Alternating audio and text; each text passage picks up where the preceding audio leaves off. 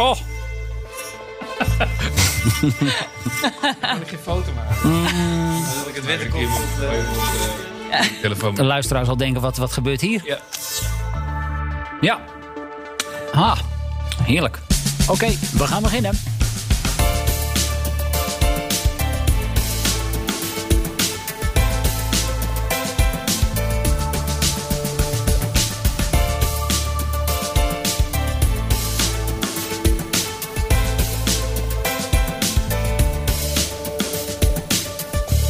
Is BNR's Baanbrekende Businessmodellen, aflevering nummer 25. De podcast waarin we praten met bedrijven die zichzelf opnieuw uitvinden en nieuwkomers die bestaande markten opschudden. Patrick, 25 keer. Ja, ik- Wauw. ja, het gaat echt heel hard. Ik weet nog dat we de eerste begonnen en dat ik niet uit mijn woorden kwam. Maar, eh, Nou, er is wat dat betreft niet heel veel veranderd. dankjewel, John. Ja, nee, heel goed. Ik ben blij dat je er bent. En we gaan eh, voorlopig eh, ook gewoon nog even door natuurlijk. En deze aflevering, heel leuk, gaan wij het namelijk hebben over een eh, specifiek effect van businessmodellen. Dat je in feite in steeds meer markten ziet opduiken. Met als kenmerken een vaste fee, een vaste periode en dat telkens weer opnieuw. Het abonnement als verdienmodel. En daarvoor hebben we uitgenodigd Elias van der Linden en Kim Hiemstra, de oprichters van Boombrush. Van harte welkom, leuk dat jullie er zijn. Dank jullie wel. En jullie wel. hebben iets voor ons meegenomen, geloof ik, hè? Zeker. Nou, als jij hem nou eens gaat uitpakken, Patrick. Ja, ik, ik, ik heb hier een, ehm, nou, e- eigenlijk een kleine pizzadoos voor me. Dat is natuurlijk heel oneerbiedig. Alleen eh, er staat Broombrush op. op. En als je die open doet, dan staat er pick your side. No matter your choice, your smile will be bright. En dan zie je twee ehm, eh, broombrushes, dus twee tandenborstels. Een witte en een zwarte. En wat mij opvalt, zijn echt heel strak vormgegeven. Dat vind ik wel echt wel heel cool. Ja, kun je mij even omdraaien, want dan kan Ja, ik hem kun jij zien. het ook zien. Ja. Oh, kijk. En er staat ook in eh, brush, eh, refill en recycle. Het is echt een feestje om het uit te pakken, hè? Ja, zeker weten. We Ja. doen ons best. Ja, hey, want vertel even in een paar zinnen eh, Boombrush. Wat leveren jullie? Wat is het precies? Ja. Wij leveren een eh, sonische tandenborstel met 90 dagen batterij. En eh, bij die sonische tandenborstel leveren wij een refill service voor de opzetborstels. Ah, oké. Na aanschaf van de borstel kan jij eh, kiezen om elke 1, 2 of 3 maanden een nieuw borstelkopje thuisgestuurd te krijgen. Zodat je altijd eh, met een vers borstelkopje poetst. Dus als ik het goed begrijp, ik heb nu even, laten we zeggen, het, de, de tandenborstel in mijn hand. Dit is de hardware die je verkoopt. En dan Ja. pakken we hier eventjes de Het borstelkopje. borsteltjes erbij. En die zitten in een plasticje. Dit is de service die je daarbij levert. Exact. Klopt. Ja. Hoe is het idee ontstaan? Ehm, het idee is eigenlijk ontstaan In de ehm, badkamer. In de badkamer, ja.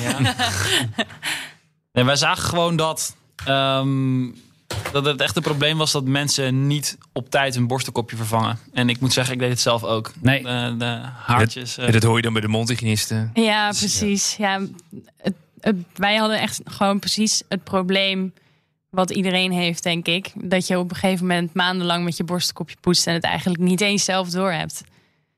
Dus ja, vandaar, vandaar ook het idee. Nu hebben jullie eh, vrij recent 6,5 ton opgehaald bij Dragon's Den. En Patrick en ik waren in voorbereiding naar deze podcast. Hadden we toch zoiets. Ja, daar moeten we toch iets meer over weten. Hoe, met name, hoe werkt dat nou na de uitzending? Want Ja, dan, dan ben je in een soort van halleluja-stemming. Maar dat is nog niet automatisch gezegd dat het ook echt doorgaat, toch? Nee, klopt. We zijn, eh, we zijn nog steeds in onderhandelingen. Oh, Oké. Dus die, die zijn nog bezig. En dat is sinds eh, ja, begin februari waren de, waren de uitzendingen. Dus dat proces duurt in principe best wel lang.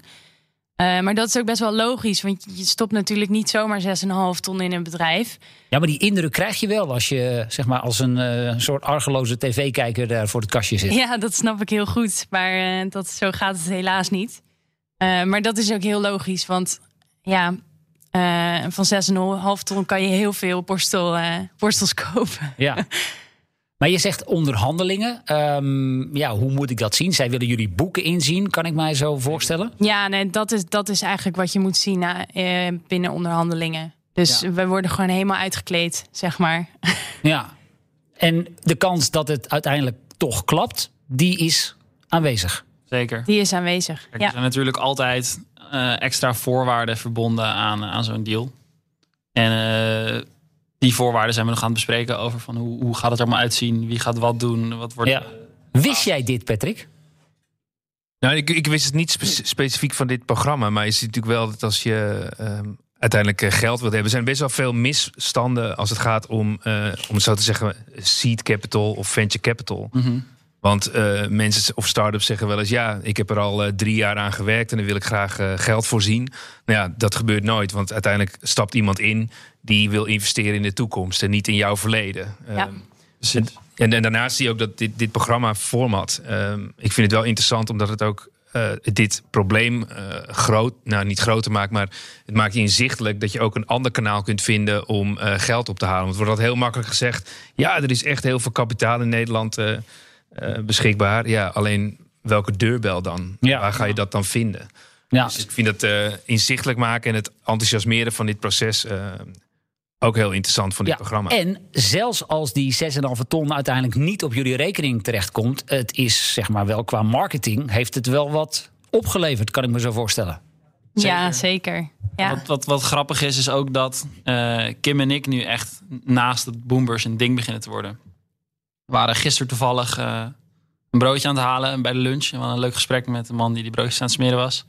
En helemaal op het einde zei hij van... eh, zijn jullie niet van die tandenborstel? Ah, kijk, jullie worden dus een beetje een soort halve bekende Nederlanders. En nu ook Ja. nog de gast hier in de Ook meest waanzinnige podcast die je maar kan bedenken. Baanberekende. het, is, het maakt het ook nog, nog veel erger, omdat wij natuurlijk altijd met z'n tweeën zijn. Ja, Dus eh, daarom, als je een van ons ziet lopen, dan is het, oh, misschien is dat die van die tandenborstels. Maar omdat wij gewoon bijna altijd met z'n tweeën zijn, Ja. Is die bevestiging, die komt veel sneller. Ja, nou, we gaan in deze podcast uitgebreid praten over jullie verdienmodel met name. Maar dat doen we niet voordat ik de luisteraars heb verteld wie deze podcastreeks mede mogelijk maakt. Al 25 afleveringen lang. En daar zijn wij natuurlijk heel erg blij mee. Ja, om aan de groeiende verwachtingen van klanten te voldoen, is het belangrijk dat al je afdelingen een eenduidig klantbeeld hebben. Alleen met verschillende datasilo's in je onderneming lijkt dat lastig. Dat hoeft het echter niet te zijn. Met Salesforce Customer 360 wordt alle data namelijk gekoppeld, zodat al je medewerkers over een eenduidig 360, 360 graden klantbeeld beschikken. Een compleet beeld van iedere klant met gedeelde inzichten en context om proactief die klantervaring te verbeteren. Salesforce dus, ook een abonnementsmodel, zit ik me net te bedenken. Ja, dat klopt. Ik vroeg me eigenlijk af of het bij jullie in het businessplan staat. Of je ook met Salesforce wil gaan schalen. Maar als je een partij heeft, hebt die dit heel goed kan en slim, dan is het wel Salesforce, ja. Nou, dus ik denk dat ze wel blij zijn dat je dit er nog even bij vertelt. Ja, Eh, Ja, goede tip. Hey Patrick, ehm, eh, abonnementsmodel, subscription. Zo noemen we dat, geloof ik, in het, eh, in het Engels. Dat zien we steeds meer. Hoe verklaar jij dat? Ja, je ziet dat er een enorme vraag is vanuit eh, klanten ehm, die eigenlijk continue verbetering willen zien op eh, producten. Dus niet dat je nu iets aanschaft en dat je daar drie, mee, jaar mee zit en dat het niks doet. En eh, je bent natuurlijk verwend door eh, digitale producten, dus dat is een belangrijk iets. Het andere waar wij het wel vaker samen over hebben in de podcasts ehm, gaat ook over dat de verwachtingen veranderen van eigenaar zijn naar gewoon iets wat het product moet doen. En dat je liever daarvoor betaalt. Dus dat is dan de, niet de fiets, maar het is de swapfiets. Want die zorgt dat hij het gewoon altijd blijft doen. Ja. Ehm, je ziet ook dat bedrijven uiteindelijk aan de andere kant ook zien dat als je wilt overleven, dat het niet meer dat transactiemodel is. Bijvoorbeeld als je kijkt naar die tandenborsten van we verkopen dat ding, dan is die weg. En we horen er nooit meer wat van. Nee, je wilt ook een, vanuit het bedrijf een relatie opbouwen met een klant. En dat helpt als je dan een abonnement verkoopt, dat je gegevens hebt, informatie hebt, dat je in contact kunt zijn. Dus dat maakt het interessant. Ehm, maar ook wel in dit tijdsgewricht dat je ziet dat zo'n eh, abonnementmodel er ook voor zorgt dat je naar een circulair model kunt gaan. Ah, kijk. Ja, ja. Dus dat je weet, hey, de, jullie, ja. ja, en is het dan voornamelijk eh, B2C, hè, dus op die consumentenmarkt, of zien we ook B2B steeds meer toepassingen? Nou, ik denk dat jij en ik zien natuurlijk als business to consumer eh, zien wij zelf voorbeelden als Spotify, Netflix. ehm, maar je ziet ook bijvoorbeeld eh, eh, eh, Metro Mile, zeg maar dat je voor verzekeringen op voor gebruik betaalt. Ja. Alleen aan de business to business kant is het ook wel degelijk. ik denk het een van de bekendste voorbeelden, dat is van Rolls-Royce. Die uiteindelijk zei, ja, voor die vliegtuigmotoren betaal je van, gewoon voor het gebruik. In plaats van dat je zo'n motor in zo'n vliegtuig moet gaan installeren. En bijvoorbeeld bij ons in die office hebben we ehm, alles wat qua digitale infrastructuur staat, is gewoon a- eh, abonnement. Dus dan heb je niet Ja, ja. Eigenlijk het probleem wat je daar oplost is eh, van kapitaaluitgaven naar operationele uitga- uitgaven. Dus anders is het een hele grote investering. Maar nu zeg je, nou, abonnement is gewoon operationele kosten. Ja, en dan zie je geloof ik ook nog wel verschillende vormen en varianten. Hè? Ja, dus ik ehm, had het even nagekeken. We hadden dat in eh Business Model Shifts in dat boek ook eh, bestudeerd. Is als je kijkt naar die verschillende vormen. Dan heb je bijvoorbeeld, er is één vorm eh, van een abonnement en die is producten en services. Dus bijvoorbeeld als je een BMW koopt, krijg je er ook service bij. En dan kan je ook eh, een bedrag voor apart zetten. Ja. Ehm, daarnaast heb je consumables. Nou, dat betekent eigenlijk gewoon producten die ook opgebruikt worden. Zoals bijvoorbeeld eh, de Dollar Shave Club vorige week, waar eh, Kees Ja, mee eh, aan de slag was geweest. onderdeel van Unilever inmiddels. Absoluut, ja. En dan zie je bijvoorbeeld services. Dus services is dan bijvoorbeeld Metromile, die, waar je dan betaalt voor verzekeringen. En dat blijft gewoon één services abonnement. Daarnaast heb je nog, die hebben we genoemd Information Goods and Services. Eigenlijk bijvoorbeeld eh, het abonnement bij New York Times. En dat kan natuurlijk ook bij het Financiële Dagblad. Dat je ziet dat die combinatie gaat van fysiek en, en digitaal. Ehm, daarnaast nog eentje rental en lease. Nou, bijvoorbeeld eh, BMW Drive Now. Je ziet dat ook zeg maar, in een eh, abonnementconstructie.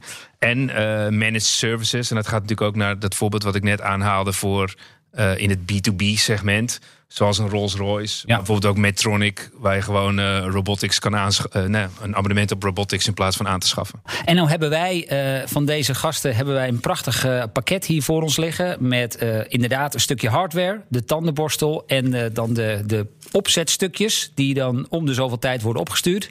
Ja, eh, onder welk segment vallen zij? Ja, dit is een combinatie van een product en eh, services. Dus je verschaft het product aan.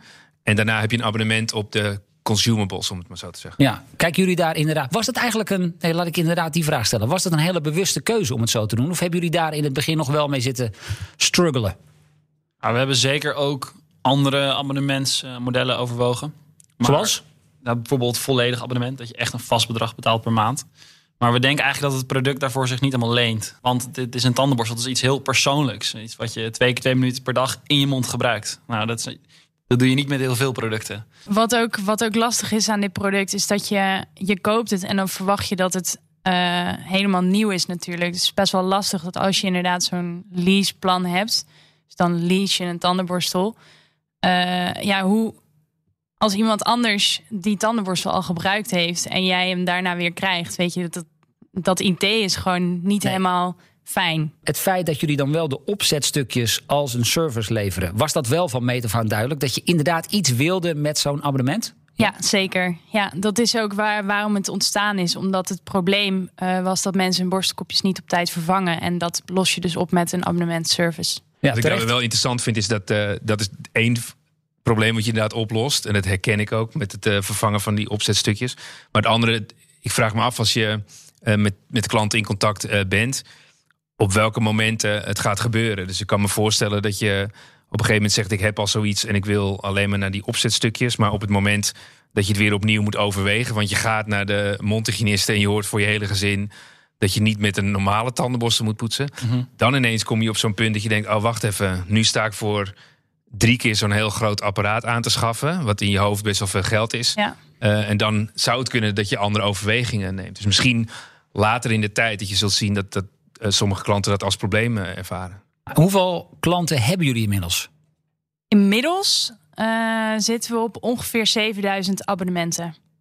Wauw. Dus dat, eh, dat Nou, loopt wel en- lekker En door. jullie zijn nu hoe lang bezig? Ongeveer anderhalf jaar. 7000, anderhalf jaar. Dan heb je toch, nou ja, best wel een beetje tractie gekregen, Patrick. 21.000 eh, poetsbeurten per dag. Ja, nou, hey, dat, kun je, dat kun je inderdaad zeggen. Hey, en dan gaat het er natuurlijk om dat die klant, ehm, dat die elke maand zegt, ik verleng. Want het is op een maandbasis krijg je het, hè? Ja, je- Ja, je kan, je kan kiezen. Dus je, je kiest voor één, twee of drie maanden dat je het borstkopje wilt ontvangen. Ja. En gebeurt dat ook altijd? Dat klanten automatisch verlengen? Of zeggen ze toch na verloop van tijd van... nou, ik vind het eigenlijk te veel gedoe... of het is mij het geld niet waard? Ja, wij hebben echt een hele laag churn rate. Dus iedereen blijft eigenlijk eh, het abonnement houden bij ons. Puur omdat het gewoon echt een gemak is. En omdat wij altijd maar één borstkopje opsturen. Dus dan, eh, ze worden er echt aan herinnerd dat ze het moeten vervangen. En op het moment dat ze het krijgen, vervangen ze het. En wachten ze weer op de volgende. Ja, Elias, wat zijn voor jullie de belangrijkste voordelen... van het feit dat je op deze manier met jouw klant ehm, dat contact onderhoudt? Ja, dat is aan de ene kant eh, dat er elke twee of drie maanden. Dat is een beetje de interval waarop mensen hun borstelkopje kiezen. En, en, en die lijkt gelijk een actie gekoppeld zit aan het pakketje wat je ontvangt. Zien ook bij andere bedrijven, zoals bijvoorbeeld Dollar Shave Club, die net werd genoemd, krijg je vier scheermesjes thuis. En als je elke twee maanden vier scheermesjes thuis hebt, dan heb je er op een gegeven moment zoveel dat je denkt van ja, ik hoef ze niet meer. Maar met ons borstelkopje vervang je hem altijd gelijk. Het is echt een reminder van hey, oké, nu moet ik hem weer vervangen. Het is een, ja, een service. Uh, meer eigenlijk als echt een hard abonnement waar je aan vast zit. En, en, voor ons is natuurlijk dan het voordeel dat wij elke keer als mensen een nieuw borstelkopje uh, thuis gestuurd krijgen, dat ze weer even aan ons bedrijf denken. Kijk, en wat ik wel heel slim vind aan dit model. Hè, kijk, als je die businessmodellen bestudeert. En uh, John, stel dat jij en ik in de in de afwasborstel zouden gaan. Nou, ik noem maar wat. nou, nou, nou leuk. Echt. en, en het, het, het, kost wel wat, wat geld, maar je ziet eigenlijk dat die hele hardware business uh, is um, eigenlijk een neergaande spiraal. Want uh, nou, bijvoorbeeld als je die, die tandenborstels ontwikkelt, concurreer je met heel veel andere partijen. Nou, dan concurreer je ook met de mediamarkt en met Coolblue. Uh, nou, heel veel succes buitengewoon lastig. Dus als um, je als start-up voorbij komt en je zegt: hé, hey, ik heb dit heel te gekke idee, dan zie je dat je het daar alleen ook niet mee redt. Omdat je geen toegang krijgt tot die klantinformatie. Uh, en dat zou je eigenlijk wel willen, want je wilt die directe relatie hebben. En als je het via de mediamarkt verkoopt, heb je geen idee. Ja. En het andere punt is ook die waarde die eraan moet zitten om hem uh, relevant uh, te houden. Dat kan je met zo'n abonnement wel doen, waardoor de hardware geen waarde heeft van het is gewoon een tandenborstel en moet die mooi zijn. Ja, precies. Nee, het is echt een gebruiksvoorwerp. En dan vind ik het ook nog uh, tof dat je dan zegt: hé, hey, als ik die opsteekstukjes uh, opgestuurd krijg, word ik er weer aan herinnerd. Dus je ziet dat het in, in deze uh, tijd met zo'n hardware product is het heel, echt een heel slim model. Ja, en wat, we, wat ook Kim net noemde, we hebben al dus uh, 7000 klanten. En wat we daar op termijn ook aan willen gaan, is gewoon meer producten leveren. Want ja, je hebt meer dan alleen een tandenborstel en een opzetstukje nodig om. Flossen, mondwater. Precies. Precies. Tandpasta. Tandpasta. Ja. Ook. Oké, okay, daar zijn jullie ja. ook mee bezig. Ja, dat ja. is de eerste, het eerste product waar we uh, nu mee bezig zijn. En dat komt binnen hoeveel weken, maanden, jaren? Durven we nog niet te zeggen. Okay. Ja, we hopen binnen dat een paar maanden. Om, ja, ik wil zeggen, een, een tandpasta ontwikkelen, dat is wel even iets. Uh, ah, daar gaat wel wat geld in zitten en daar heb je ook wel kennis voor nodig natuurlijk. Ja, zeker. Jullie zijn niet thuis uh, met z'n tweeën aan het experimenteren ook. in het wasbakje. Ook. ook. ja. Dat is niet de, de basis van, uh, van hoe we nee. het... Uh, maar vraag, als je begint, hè, dan ben je ook met je businessmodel aan het stoeien. Dus dan ben je aan het kijken van, uh, hey, hoe gaan we dat dan verkopen? Uh, hebben jullie dan ook nagedacht over uh, die, die tandartsen? Mm -hmm. hoe, hoe, hoe, hoe, kijken jullie daarnaar? Ja, zeker weten. Ja, we zijn in principe met een aantal tandartsen in gesprek. die raden ook vaak ons product aan aan patiënten. maar ja, voor ons, de tandartsmarkt is heel ingewikkeld. Omdat tandartsen ook zelf geen winst mogen maken. Ja. Dus uh, het zal puur blijven op een aanbeveling. En of de klant dan daar dan wat mee doet, dat is natuurlijk aan de klant zelf. Want eigenlijk is dat jammer, hè? Omdat je uh, vanuit uh, allerlei regelgeving, dan begrijpen we dat allemaal. Of niet, maar vanuit het klantvriendelijke, dat je toch weet van hé, hey, ik ga naar die mondhygiënist en die zegt, nou dan moet je dit even en, en je kan gelijk een handtekening zetten ja. om uh, als je het gebruikt, mm -hmm. of tenminste om het gelijk te gaan gebruiken, ja. zou toch ideaal zijn? Ja, ja. ja. klopt. Maar helaas dus niet toegestaan. Nee. Er zijn wel mogelijkheden, maar die mogelijkheden zijn een stuk lastiger. En wat we ook merken, tandarts zijn over het algemeen heel enthousiast over dat er wat gebeurt op deze ja, toch relatief saaie markt. Conservatieve markt. Ja, precies. precies. En daardoor is het ook voor ons heel moeilijk om daar echt goed op te kunnen schakelen. Want we krijgen heel veel enthousiaste mensen naartoe komen. En die zeggen van, nou, ik ga twee uur met je aan de lijn hangen. En dan gaan we alles bespreken wat we kunnen doen. Maar dan is het heel moeilijk om naar de volgende stap te gaan. Waarbij uh, ja, er echt geconfronteerd kan gaan worden. En die mensen echte ambassadeurs kunnen worden. En echt op ja, vaste basis jouw ja. Nou, hoe jullie aan, uh, wel aan klanten komen, dat gaan we zo meteen bespreken.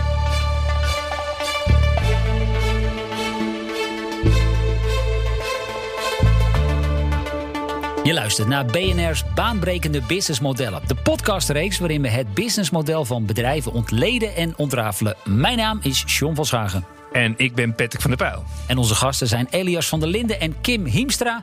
Dag en nacht bij elkaar, de oprichters van Boombrush, een abonnement op tandenpoetsen. Wat komt er nu weer uit de oude doos? Maar eerst gaan Patrick en ik terug naar een beroepmoment. Een speciale ondernemer of leuke anekdote uit vroegere tijden. Patrick, wat komt er uit jouw oude doos? Nou, ik kon er nog wel eentje vinden hoor. Kijk, heel goed. Nou, als je kijkt naar dat, eh, services model, dan is het echt een klassieker eh, die voorbij komt. Eh, dat hadden we ook zeg maar als case study in het, het Business Model Generation boek. En dat gaat over de, de Xerox Copier eh, Ah, 914. kijk. Ja, En wat was nou het probleem? Zeg maar in de eh, eind jaren 50, dan ehm, hadden ze dat hele grote apparaat eh, daar eh, ontwikkeld. Alleen niemand wilde dat hebben, want het was ten eerste een afschuwelijk lelijk apparaat. Ook heel erg kostbaar. Terwijl dat apparaat lost het probleem van mensen niet op. Dus op een gegeven moment zeiden ze: hey, ehm, wat kunnen we dan wel doen? En ze hebben daar uiteindelijk een, een, een eh, laten betalen voor gebruik. Eh, dus enerzijds een abonnement, maar gebruik, betalen voor gebruik voor het afnemen van zoveel kopieën. En dat is eigenlijk de geboorte van het services model. en dan praten we over 50, 60, 70 jaar geleden. Ja, dat was in 1959 Ja. eh, werd dat product geïntroduceerd. En één of twee jaar later werd dit verdienmodel. en dat is eigenlijk, zeg maar, dat heeft de weg geopend om op een heel andere manier na te denken over verdienmodellen. Eh, versus echte producten, fysieke producten die, eh, die Ja, mooi voorbeeld. Bekend voorbeeld ook. Nou, ehm, mijn vroegste herinnering eh, aan een abonnement. ehm, ik ben eens even gaan denken. Ik kwam uit op de leesmap. Kennen jullie die nog? ja, hè? Maar je was echt een Sjaak als je de houmap had. Oh ja, de houmap. Ja, ja, daar kwam je er niet meer vanaf. Ehm ja, voor de jonge luisteraars. eh, vroeger ehm, kregen wij die elke week. Je hing dan een tasje aan de voordeur bij de oude leesmap. En die werd dan weer omgeruild voor een vers exemplaar. Ik heb het even opgezocht. De bedenker daarvan was meneer Jacques de Leeuw, de oprichter van Audax. En hij was nog maar vroeg in de twintig toen hij bedacht dat je met zo'n doorgeefmethode eigenlijk veel meer geld aan tijdschriften zou kunnen verdienen. Nou, dat bleek inderdaad waar. Het was het was eigenlijk gewoon werkelijk een goudmijn. In de jaren 60 en 70 ruim 1 miljoen huishoudens hadden zo'n leesmap. En ja, toen kwam eh, zo ongeveer tweede helft jaren 90 eh, opkomst van het internet. Eh, eh, het ging toen hard achteruit. Leesmapbedrijven probeerden nog wel van alles. Je had de budgetmap, de gezinsmap, de damesromanmap, de vijfsterrenmap. Eh echter, een jaar of tien geleden nog maar 300.000 abonnees over. En dat aantal is sindsdien alleen maar gedaald. Ik kom ze eigenlijk alleen nog maar tegen in wachtruimtes. En een enkel café in, in de stad of iets dergelijks. Ja, vroeger zat ik er echt op te wachten met mijn broertje. En Ja? dan was om vrijdag half vier tot vier. En dan kwam die leesmap. Ja, voor, voor welk boekje? Eh, ja, de Donald Duck was vanzelfsprekend. Maar het was eigenlijk toffer dat we de actueel... De actueel, ik dacht ook stiekem aan. konden lezen. De actueel, inderdaad, ja. Nou, dat is in, eh, allemaal heel erg lang geleden. Ik was nog wel even nieuwsgierig. Wat kost die eigenlijk? Dit mooie pakketje. Je kan eh, met abonnement afsluiten, dan kost die 79 euro. En zonder abonnement 89. En vervolgens, dan krijg je dus dit pakket eh, met de tandenborstel. En als ik hem dan elke twee maanden nieuwe opzetstukjes wil krijgen, wat ga ik daarvoor betalen? Je betaalt 5 euro per opzetstukje. Dus je bepaalt, als je inderdaad iedere twee maanden eentje wilt ontvangen, betaal je 5 euro per twee maanden. Ja. Is dat duur eigenlijk? Wat, bedoel, volgens mij bij de ethos liggen ze iets goedkoper. Of heb ik dat nee, mis? in principe als je van een van de grote merken borstkopjes koopt, dan ligt die prijs ongeveer op dezelfde hoogte, soms Ja. zelfs iets hoger. Eh, maar als je in bulk koopt, dan wordt het natuurlijk iets goedkoper. Ja. Hoe komt zo'n prijs eigenlijk tot stand? Kijk je dan inderdaad naar andere soortgelijke producten in de winkel? Of, of ga je het klantonderzoek doen? Hoe Ja, natuurlijk. Je, je, je kijkt het gewoon af van de, van de andere partijen in principe. En eh, ja, marge is ook een ding natuurlijk. Dus daar, dat neem je dan ook mee. Ja. Een andere vraagje tussendoor. van- Dat, ik vind het echt mooi design. Eh, is een van jullie een designer? Of Goed dat je het zegt, ja, dankjewel. heel goed. Ik ben, eh, Dat vinden ze leuk dat je die vraag stelt. nee, ik heb eh, design gestudeerd in Delft. Ik heb industrieel ontwerpen gedaan als bachelor en daarna strategisch ontwerpen als master. En eigenlijk eh, in de laatste paar jaren van deze studie eh, is dit idee ontstaan. Ja. En het komt ook eigenlijk wel een beetje overeen met ons merk. Want wat je heel erg vaak ziet op tv zijn de, de, de reclames van de grote merken. Die zijn, ja, ik, ik vind ze niet sexy. Ik word er niet warm van.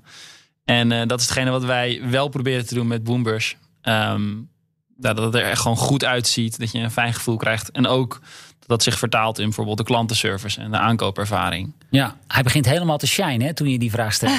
Ja, ik, ik, vind het ook echt mooi. En ik vind, eh, kijk, als, als je het hebt over design, het gaat ook over eh, you care. Dus het ook Ja. gewoon, eh, je geeft liefde en aandacht aan. Ja. En Dat zie je terug in het product. Het moeten geloof ik ook wel gewoon hele goede producten zijn. Hè? Wil zo'n abonnement slagen. Want anders dan denk je toch als, als consument van ja, ik krijg niet helemaal waar voor mijn geld. Ja, Ja. dus als je kijkt naar het oude lineaire model, hè, dat je zegt van we gaan eh, dit ontwerpen en we laten er heel veel in eh, het buitenland maken en die komen met containers deze kant op. Dan is eigenlijk de, de vroegere job to be done, was die dingen zo snel mogelijk verkopen en dan was je blij. Ja. Maar dat kan nu niet. Weet je, dat, er zijn te veel alternatieven. Dus wat het nu moet zijn, is dat mensen eh, trots zijn dat het een mooie plek in de badkamer krijgt. Ja, en, en dus het moet echt ook wel aan, aan de huidige standaarden voldoen en een stapje beter. Ja, Kim? Dat was voor ons natuurlijk eh, het belangrijkste. Dat het echt een heel goed product is. En dat het er goed uitziet voordat we deze hele, hele business hadden opgestart. Dus op een gegeven moment had jij het ontworpen en dan ben je gaan sourcen om te kijken. Gaan we het dan zelf maken? Of eh, laten we het uitbesteden in Noord-Holland? Of ga je dan ergens anders heen? Ja, nou, de tandenborstel zelf hebben we inderdaad veel tijd aan besteed om die te ontwikkelen. Want dat is ook eigenlijk echt de, de basis van ons hele concept. Ehm, dus ik denk dat we wel eh, misschien een jaar, twee jaar bezig zijn geweest om die in samenwerking met een producent in China te ontwikkelen. En eh, vervolgens hebben we ook een, eh, nou, een verpakking eromheen ontwikkeld. En een van de eisen daarbij was van ja, hij moet zo eh, milieuvriendelijk mogelijk zijn. En hij moet door de brievenbus. Ja, dat laatste inderdaad, hè? Ja, ja. Kleine pizzadoos dan toch? Ja. ja. Het is wel grappig dat je dat noemt ook. Want we hebben hem, eh, die opmerking kregen we ook in het begin. stonden er nog geen eh, Boomrush logo's op. En toen hebben we eigenlijk gelijk gezegd van... Hij, hij moet net niet helemaal vierkant zijn. Want als hij helemaal vierkant is, dan krijg je dat idee inderdaad. Dat Ja. het iets zo lijkt. Ja, ik had eerst inderdaad. Ik dacht eerst van, oh, het is echt super satisfying als hij helemaal vierkant is. Toen kregen we het voorbeeld. Toen was het echt zo. Oké, dit is echt een pizzadoos. Dit kan, dit kan niet. Misschien moet je doen, eh, deze doos komt na de pizza. Ja. Bovenop die doos. Ja, Dat zou een eh goede zijn. Volgens mij gaan pizza's nog niet door de brievenbus. Maar eh, Nee, nee, nee, klopt. nog net iets, nog net iets Leuk groot. idee ook. Ehm, Patrick, zijn er producten te noemen die zich ehm, misschien wel absoluut niet lenen voor een abonnement? Ja, het is best wel moeilijk om die vraag te beantwoorden. hè. Want ehm, eh, je ziet dan op papier dat je denkt van... hé, dat zou wel kunnen bijvoorbeeld voor eh, bier. Ehm, Ja. Alleen, we kennen ook het concept eh, Beerwolf. Nou, dat Ja. is nog niet... Beer in a box ken ik ook. ook ja, maar dat, maand- dat zijn niet zeg maar de, de, de grote klappers ehm, eh, qua eh, business. Of, Nee. ehm, En hoe komt dat? Ja, ik denk dat het uiteindelijk. Kijk, wat ik bijzonder vind aan, aan dit stukje, wat, is dat je eigenlijk getriggerd wordt om hem te vervangen. Terwijl als je bier drinkt, dat heeft toch een andere weet je, connotatie. Dat je denkt van, oh, Ja. ik moet weer meer eh, bier gaan drinken. Dat is, dat is misschien een beetje gek. Maar wat je ook wel zag is dat bijvoorbeeld eh, categorieën bij, eh, bij Pathé. Die zegt dan van, je kan een abonnement op de Pathé doen. Maar dan moet je echt drie, vier keer gaan. En het voelt een beetje of je in de maling wordt genomen. Ja. Dus dat, die ligt ook niet zo lekker. En daarnaast heb je bijvoorbeeld de subscription boxes. Dat was een tijd heel erg populair. En dan ging het bijvoorbeeld over een, een trouwbox of een weet ik wat voor boxen. En dan had je ook een beetje het idee dat je in de maling wordt genomen. En waar we in vorig jaar zomer mee bezig waren, dat ging over of je Lego uiteindelijk een abonnement kon afnemen. En dat was al een keer geprobeerd. Alleen wat was nou opmerkelijk? Er waren twee dingen. Eén is niet echt schoon. Dus eh, wat Kim net zei, ja, is niet schoon. Dus dan ga je niet zo'n abonnement dat je. Wie heeft hij die voor aangezeten? Ja, ja. Maar nog belangrijker, dan ontbraken er stukjes. Ah, oké. Dus ja, als dan het Ja. volgende abonnement doorgeschoven wordt naar John en die stukjes ontbreken, dan is eigenlijk de hele beleving van het eh, product weg. Dus bij Lego bleek het ook niet goed te werken. Nee. Mag ik er daar ook nog één aan toevoegen waar ik aan dacht toen ik hier naartoe reed vandaag? Ehm, ik heb thuis, nou ja, eh, geloof een abonnement sowieso op Spotify, eh, Netflix, eh, de sportschool. Ehm, ik kan me voorstellen na een abonnement of vijf dat je als klant of als consument wel zoiets hebt. Ja, ik wil wel een beetje overzicht houden. eh, eh, want anders dan giet het er elke maand uit. Ja, jullie zitten allebei eh, te knikken inderdaad. Is dat een gevaar voor het succes van dit businessmodel? ik denk dat dat zeker een gevaar is voor, de, voor abonnementsmodellen in het algemeen. Maar ik denk niet zozeer voor ons abonnementsmodel eigenlijk. Omdat wij het meer zien als een, een refill service. Je zal je kopje altijd moeten blijven vervangen. Tenminste, als het aan mij ligt. Ja. Ehm, en daarmee ja, sturen wij een kopje op als je moet vervangen. Als jij besluit om je abonnement stop te zetten, is dat ook prima. Dan krijg je alleen geen kopjes meer thuisgestuurd. Je kan ook voor kiezen om in één keer een, een, een, 20 van die kopjes te kopen en dan geen abonnement te nemen. Dat is ook een mogelijkheid. Dus in feite zeg je daarmee, als het gewoon een product is voor de leuk, dan schuilt, de- is dat gevaar groter dan een product wat ik echt daadwerkelijk nodig heb. Precies. Dit is echt een heel een, eh, een routineproduct. Een consistent product wat je elke keer zal moeten blijven gebruiken. Ja. Ik ga even je antwoord toetsen aan de andere kant van de tafel. Dokter Anders van der Pijl, hoe denkt u daarover? Nou, ik kan me dan daarmee voorstellen dat je dan eh, een andere marketingcampagne gaat voeren. Dus je gaat dan niet naar eh, Toothbrush as a Service of tandenbollen Taas, tandenbol as, tandenborstel als een service. maar dat je dan zou zeggen van hé, hey, wij helpen jou eh, herinneren om het te vervangen. Ja, Eh, precies. nou, dat zijn betere marketingteksten, maar dat, daar gaat het dan naartoe. Ehm, en dat vind ik wel interessant dat we nu het gesprek daarover hebben. Want als we dit aan het voorbereiden zijn, dan hebben we daar samen gesprek over. Dan denk ik, ja, hoe werkt dat eigenlijk? En nu zie ik dat het op die manier zou moeten werken. Dus dat je het in de eh, hoofden van de consument ook een ander plekje gaat geven. Klopt, klopt Kim? Ja, zeker. Ja, en iedereen, tenminste, wij hebben misschien iets meer tandenborstels omdat we in de tandenborstels zitten. De tandenborstelarij. Maar, eh, ja. maar in principe heeft iedereen één tandenborstel waar hij elke dag zijn tanden mee poetst. Dus dit is een service die je niet zomaar aan de kant legt. Wat je bij Netflix misschien bijvoorbeeld wel hebt als je denkt van oh, met de zomermaanden zit ik veel minder binnen. Ik eh, ga mijn Netflix eh, abonnement opzeggen. Want ja, in, in de zomer moet je nog steeds je tanden poetsen. Ja. En ehm, de vraag is nog wel, eh, ben je met zo'n abonnement uiteindelijk ook winstgevender? Jullie hebben 7000 klanten. Laten we zeggen dat die elke twee maanden dan een bedrag van, wat was het, 3,50 euro of 7, euro. 5 euro, 5 euro overmaken. Ehm, kan het daarmee uit? Ja, in principe wel. En eh, wat natuurlijk fijn is, is dat wij een beetje kunnen inschatten wat er ongeveer binnenkomt. Omdat eh, die abonnementen, die lopen gewoon. Ja. En wij kunnen Ja, voor je, precies voor je zien... cashflow eh, is dit ideaal, hè? ja, het is gewoon heel fijn. Het is gewoon een, een- een extra buffertje eigenlijk... eh, op de verkoop van de tandenborstels natuurlijk. En wat je ook veel ziet bij normale andere businessmodellen, is dat je dat eh, vaak bij een eerste aanschaf eigenlijk heel veel marketingkosten gedraaid moeten worden en dan heel veel verloren wordt bij een eerste aankoop. Om vervolgens die in de toekomst weer terug te winnen. Maar wij maken ook al wat marge op de eerste aanschaf en krijgen ook nog de, de, de subscription revenue erbij eigenlijk. Ja. Nou, die is niet enorm veel, want als een klant 5 euro per twee maanden betaalt, is dat op jaarbasis niet heel veel marge. Nee. Maar het is wel voor ons een hele goede manier om ja, heel organisch zeg maar, te groeien zonder echte enorme diepte-investeringen te doen. Nee, maar wel de nodige eh, online marketingkosten. Ik kan me voorstellen dat met name daar jullie, jullie uitgaven zitten. Ja, klopt. Ja, ja.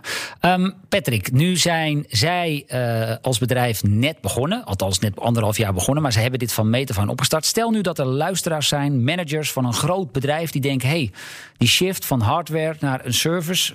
waar moeten zij dan rekening mee houden? Zijn er valkuilen? Ja, ik denk dat als je naar zo'n concept gaat kijken, ehm, en specifiek bijvoorbeeld naar eh, Boombrush, dan zie je eigenlijk dat er twee uh, BIS-modellen in één zijn eigenlijk. Dus je zegt, hey, het is een stuk hardwareontwikkeling en die wordt verkocht. Ja, die moet ook geproduceerd worden. En, um, en daarnaast heb je het abonnementmodel. Alleen um, in dat abonnementmodel kijk je ook naar voren. Uh, om te kijken inderdaad van hey, wat zijn die klantacquisitiekosten. En hoe zorg ik ervoor dat die klanten blijven. Dus dan is het veel meer een financiële forecast die je maakt. Terwijl bij het apparaat krijg je veel meer terug van oh ja, wat hebben we moeten ontwikkelen en, en moeten doen. Alleen er zijn wel een paar booby traps om het zo te zeggen. Kijk, soms wordt er een veel te lage prijs bij de uh, start uh, gehanteerd. Waardoor uiteindelijk, als je ziet dat je uh, churn, zoals het wordt genoemd, dat, dat, dat um, de mensen klanten blijven op je abonnement. Als die dan een stukje omlaag gaat, dan kan je echt lelijk in vergissen. Kijk, bijvoorbeeld Spotify, die heeft zich lelijk vergist in uiteindelijk de luistertijd. Want die hadden dat lager ingeschat. waardoor het abonnement ook een stukje lager was. Maar de rechten moesten wel afgedragen worden. Weet je, dus dat is een belangrijk iets. Daarnaast zie je dat nog wel eens uh, leasing en abonnement uh, door elkaar worden gehaald. Uh, je ziet uiteindelijk als je echt naar abonnement gaat kijken, dan heeft het een veel hoger waarde dan bijvoorbeeld financiële leasing. Het andere is, um, kijk niet naar een soort one size fits all. het is eigenlijk belangrijk om te kijken naar je packaging en dat je bijvoorbeeld ook naar verschillende abonnementen kunt brengen. Dus je zegt van hé, dit is nu ons standaard abonnement. We hebben ook het gezinsabonnement. we hebben ook zeg maar het super elke week vervangen abonnement. Ja. Dat, dat, zie je heel vaak terugkomen. Uh, en um, als je kijkt naar bijvoorbeeld software, dat, wordt, dat is voor dit stukje moeilijk, maar je noemt dat het freemium model. Dus dat je iets gratis aanbiedt en dat je daarna voor laat betalen. Dat is een, ook een, een dingetje. Eh, bijvoorbeeld bij Skype was dat zeg maar 3 tot 5 procent hooguit. Ja, heel Eigenlijk laag. de conversie van mensen die het gratis gebruikten naar uiteindelijk betaald. En Spotify deed dat, deed dat veel slimmer. Die noemden dat free drives paid. Dus die gingen hele vervelende advertenties afspelen. En ook nog eens een keer een standje harder. Dus Ja. je echt dacht, ik ga wel gewoon betalen voor het abonnement. De oprichters dus van eh Boombrush. Dank jullie wel. Ehm, volgende week dan zijn wij er natuurlijk weer. En dan gaan wij praten over het businessmodel van Temper. Een werkplatform voor freelancers. Eh, groeien als kool, maar er is ook wel het nodige gedoe over. Nou, daar gaan we uitgebreid over praten. En vergeet je ondertussen uiteraard niet te abonneren op deze podcast... via de BNR-app en bnr.nl. Dag.